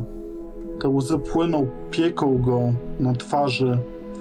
Myśli sobie, że, że przez chwilę miał taką ułudę, że ma kontrolę, że wie, nie ma problemu z ludźmi, ale po co są ci ludzie? Jak on i tak, mm, no oprócz Moli, Moli jest jego przyjaciółką, ale mm, po co są ci ludzie? Gdyby jak ten życie ma wyglądać tak, że, że on próbuje to sobie wszystko poukładać, a i tak ląduje jak Frankenstein, jak poczwara. O co on walczy? Znaczy, teraz wie, że pomoli, ale jest w rozsypce. Próbuje zrobić to tak, nie, ściska mu się gardło, ściska mu się krtań, natomiast nie chce, żeby Luke cokolwiek zauważył w tej całej sytuacji, próbuje to ukryć, wstydzi się tego, że nie daje rady pod tym całym ciśnieniem. I, To- i Ten zaciśnięte gardło, żeby właśnie nie wydać z siebie szlochu, bo to na pewno by dotarło do uszu Luka, sprawia, że, że ty, Dark, płacząc i tkwiąc w tym swoim stanie, zaczynasz trochę inaczej oddychać, bo chcesz po prostu nie wypuścić z siebie oddechu płaczącego mę- mężczyzny. Więc sam się zaczynasz podduszać wolą. I pojawia ci się bardzo jasna myśl. Molly właśnie zasnęła i jeśli chcesz, możesz jej pomóc, ale we śnie. Więc wiąże się to z ryzykiem.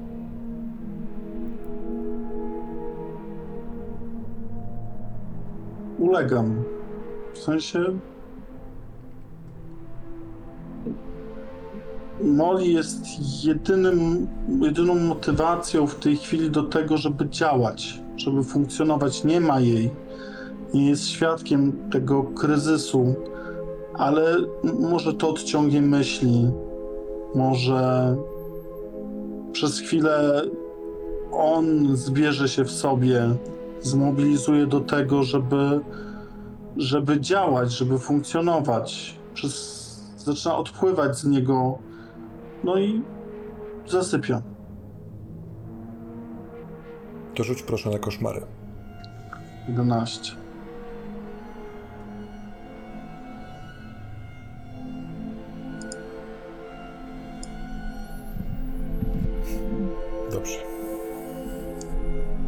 A ty, Luke?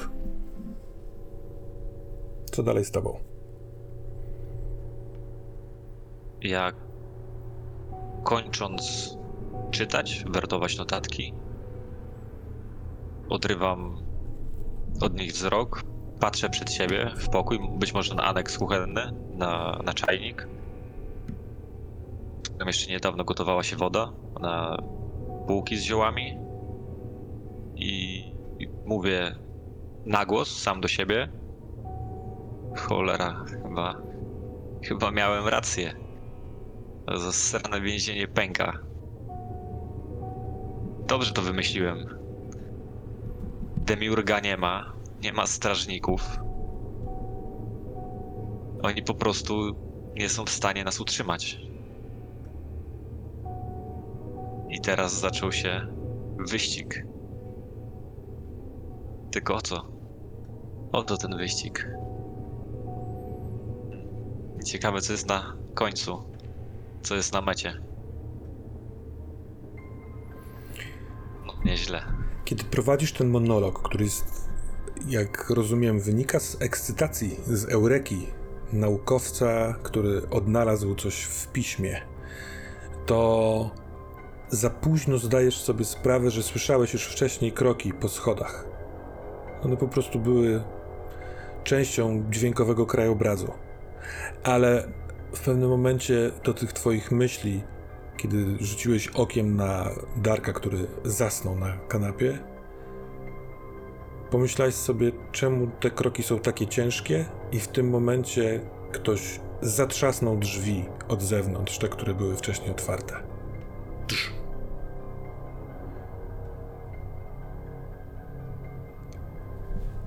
Molly.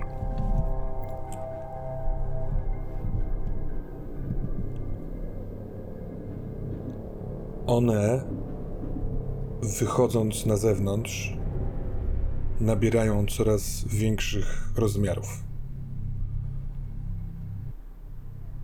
Jeden, dwa, cztery, pięć. W tym ciasnym pomieszczeniu, w którym w bezruchu, co widzisz kątem oka, siedzi wuj. Naprzeciwko ciebie po drugiej stronie ognia łałatę, który też je widzi, pająki zaczynają wchodzić na podłogę i są zainteresowane tym skrolem, tym zwojem kory brzozy. Wchodzą na niego. Są duże pająki o rozmiarze męskiej dłoni, rozczapieżonej. Bardzo sprawnie i szybko zaczynają rozwijać odnóżami ten zwój. Prawie nie widać już tego zwoju. Raz, że przez dym, a dwa, że przez czarne kłębowisko pająków, które rozwijając wydają dźwięki. E, I wydaje ci się, że to jest koniec końców nie dźwięki, które pochodzą z nich samych, tylko one w jakiś sposób kroją albo rozrywają tę korę. Jako, że jest przez ten dym bardzo duszno i sennie, tak ciężko, mm, ciężko tak jak pierzyna ciężka kogoś przykrywa, a nie jakby przygniatał cię jakiś życiowy ciężar, to, to, to wydaje ci się, że czas trochę płata figle, bo one, te pająki, pracują zbyt szybko. Po chwili widzisz, że zaczynają rozchodzić się z tego centralnego miejsca na podłodze w wigwamie i niejako niosąc takie bardzo cienkie pasemka tej kory, zaczynają tkać z nich jakąś sieć.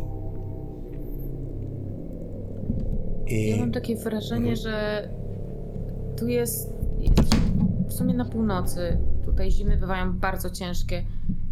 Nie wiem, nie jestem biologiem, ale wydaje mi się, że tutaj nie mogłyby przeżyć aż takie duże pająki. Nie mam arachnofobii, nie, Moli nie ma jakiegoś problem, takiego problemu z tym, ale, ale może przez to ciężkie powietrze i przez ten dym, to nie wydaje się, że to są y, i- jakieś stawonogi, tylko, tylko raczej właśnie dłonie, które takie ciemne dłonie, które coś robią z tym, z tą korą. I myślę, że w pewnym momencie Molly tak sennie, bardzo powoli, bo wszystko dookoła dzieje się szybko, ona tak powoli wyciąga dłoń i próbuje może chwycić kawałek z tego, tej kory, tak zobaczyć, dlaczego one to zapierają. Więc czujesz w momencie zetknięcia twoich palców z tą korą dotknięcie palca. Bo albo masz rację, albo właśnie stworzyłaś z tych pająków dłonie. Te dłonie są pozbawione ramion, tylko zawieszone w powietrzu. A jednocześnie to jest dłoń twojej matki, która kiedyś bardzo dawno temu uczyła cię e, takiej zabawy w kocioł kołyskę, rozczapieżając pomiędzy palcami nitki pozawieszane i potem nakładała ci te nitki, ten wzór ze sznurka na twoje dłonie i też wtedy w ten sposób stykały się czasem palce jej i twoje. I ta myśl na chwilkę cię zabrała, a w międzyczasie ty, trzymając końcówkę kory w, w jednym miejscu, zauważyłeś, że ta dłoń rozwinęła ją do ziemi. I w ogóle dużo tego jest. Ciebie, ale także Nijinuka, także Ła- Łałatę, zaczynają oddzielać od ognia i od wejścia do wigwamu takie jakby sieci z pasemek kory. Trochę tak jakbyście byli w klatce. Dark.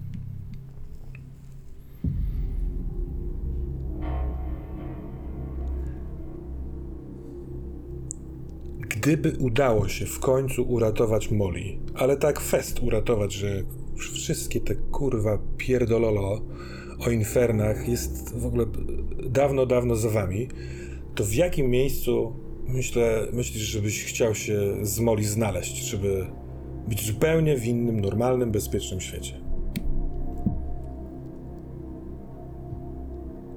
Ja nie wiem, czy jak Molly byłaby bezpieczna, to czy potrzebowałaby Darka. Myśli nad tym, czy. Nie chodzi o to, czy ona by nie miała z nim więzi, takie jakie miała, tylko czy my wtedy powinniśmy być razem. Czy powinniśmy być w kontakcie? Ale myślisz po- o zazdrości albo o niezasługiwaniu na jej przyjaźń, czy o Absolutnie bezpieczeństwie? o tym, że ta wspólna niedola yy, w różnych aspektach, ta bliskość się nawiązała wtedy, kiedy ym, kiedy walczymy przeciwko czemuś, kiedy się rozumiemy, kiedy cały świat nas nie rozumie, a my się rozumiemy nawzajem, kiedy jesteśmy kotwicami w tej rzeczywistości, które pozwalają nam się utrzymać w tej rzeczywistości, w tych rzeczywistościach, w tych pojebanych rzeczywistościach. Natomiast zastanawiam się, co by było, gdyby to się skończyło. Czy. Czy jakbym wiedział, że Molly jest bezpieczna, jakbym ja nie miał koszmarów, jakbym nie był, nie bał się. Całe życie się boję. Od dzieciństwa się boję ludzi, świata. A teraz niby ludzi się nie boję, a krzywdzi mnie świat coraz bardziej. Myślę sobie, czy Dark jest w stanie sobie wyobrazić taką rzeczywistość? Czy on ma jakiś przykład, wgląd w to, żeby wiedzieć, jak to jest żyć bez piętna? Nie wiem. Nie wiem, czy myślę sobie, że że mogłoby być to miejsce zupełnie inne niż gdzie jesteśmy, gdzie, gdzie moglibyśmy zacząć życie na nowo, tak żeby być blisko, ale też być przyjaciółmi. Nie Sen. traktuje. się ziszcza. I ten moment przejścia w sen, kiedy jeszcze się rozmyślałeś sobie o sprawach, teraz jest rzeczywistością. I jako, że myślisz o tej relacji w taki trochę beznadziejny sposób, że ta niedoła możliwe, że będzie was gonić albo będzie ciężarem, to sen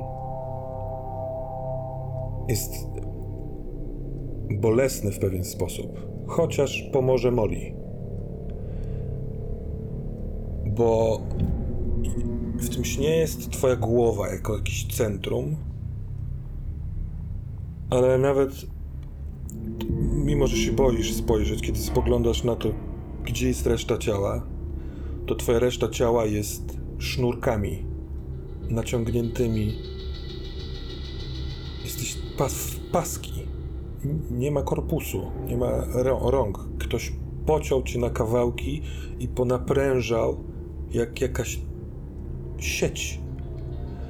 I w momencie, kiedy dostrzegasz to, ból jest przeogromny.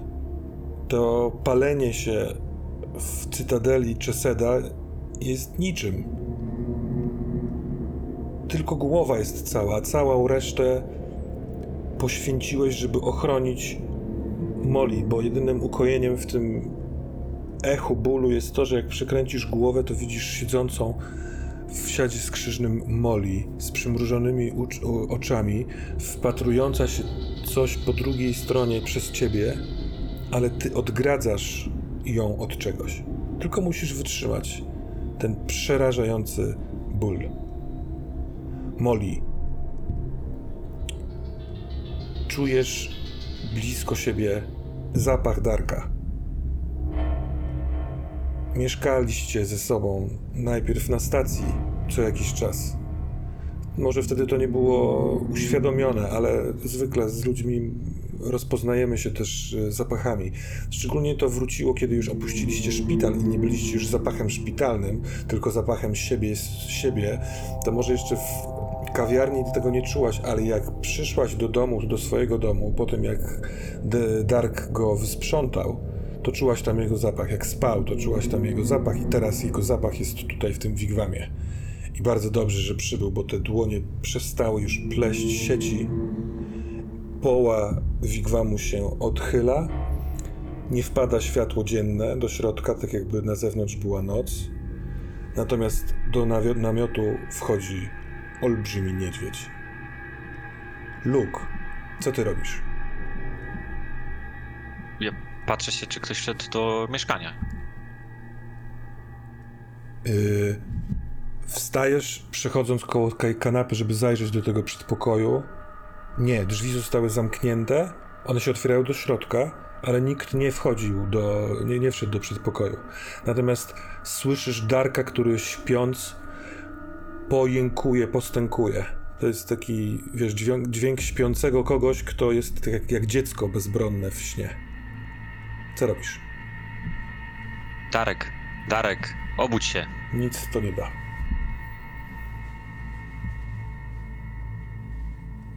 Co robić, co robić, co robić? Nie mógł zasnąć. Wszystko śmierdzi brudem.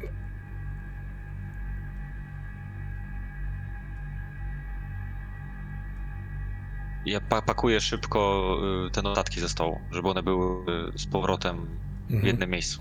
Dobra, Żeby mógł je w razie czego i biorę je na, na, na ramię. to w ogóle chwilę trwa, bo to, żeby się rozłożyć wszystkie, ten cały kram pakujesz też delikatnie wobec e, tych wszystkich e, kartek, to widzisz i słyszysz Darka śpiącego, on jest znowu w jakimś koszmarze, drży jego ciało, jest cały naprężony, a, a, postękuje e, z bólu. I masz wrażenie, że to przytulne miejsce, ten dom Elizabeth i Nidżnuka jest zasmradzany takim brudnym, brudnym, śmierdzącym, jak bezdomnym.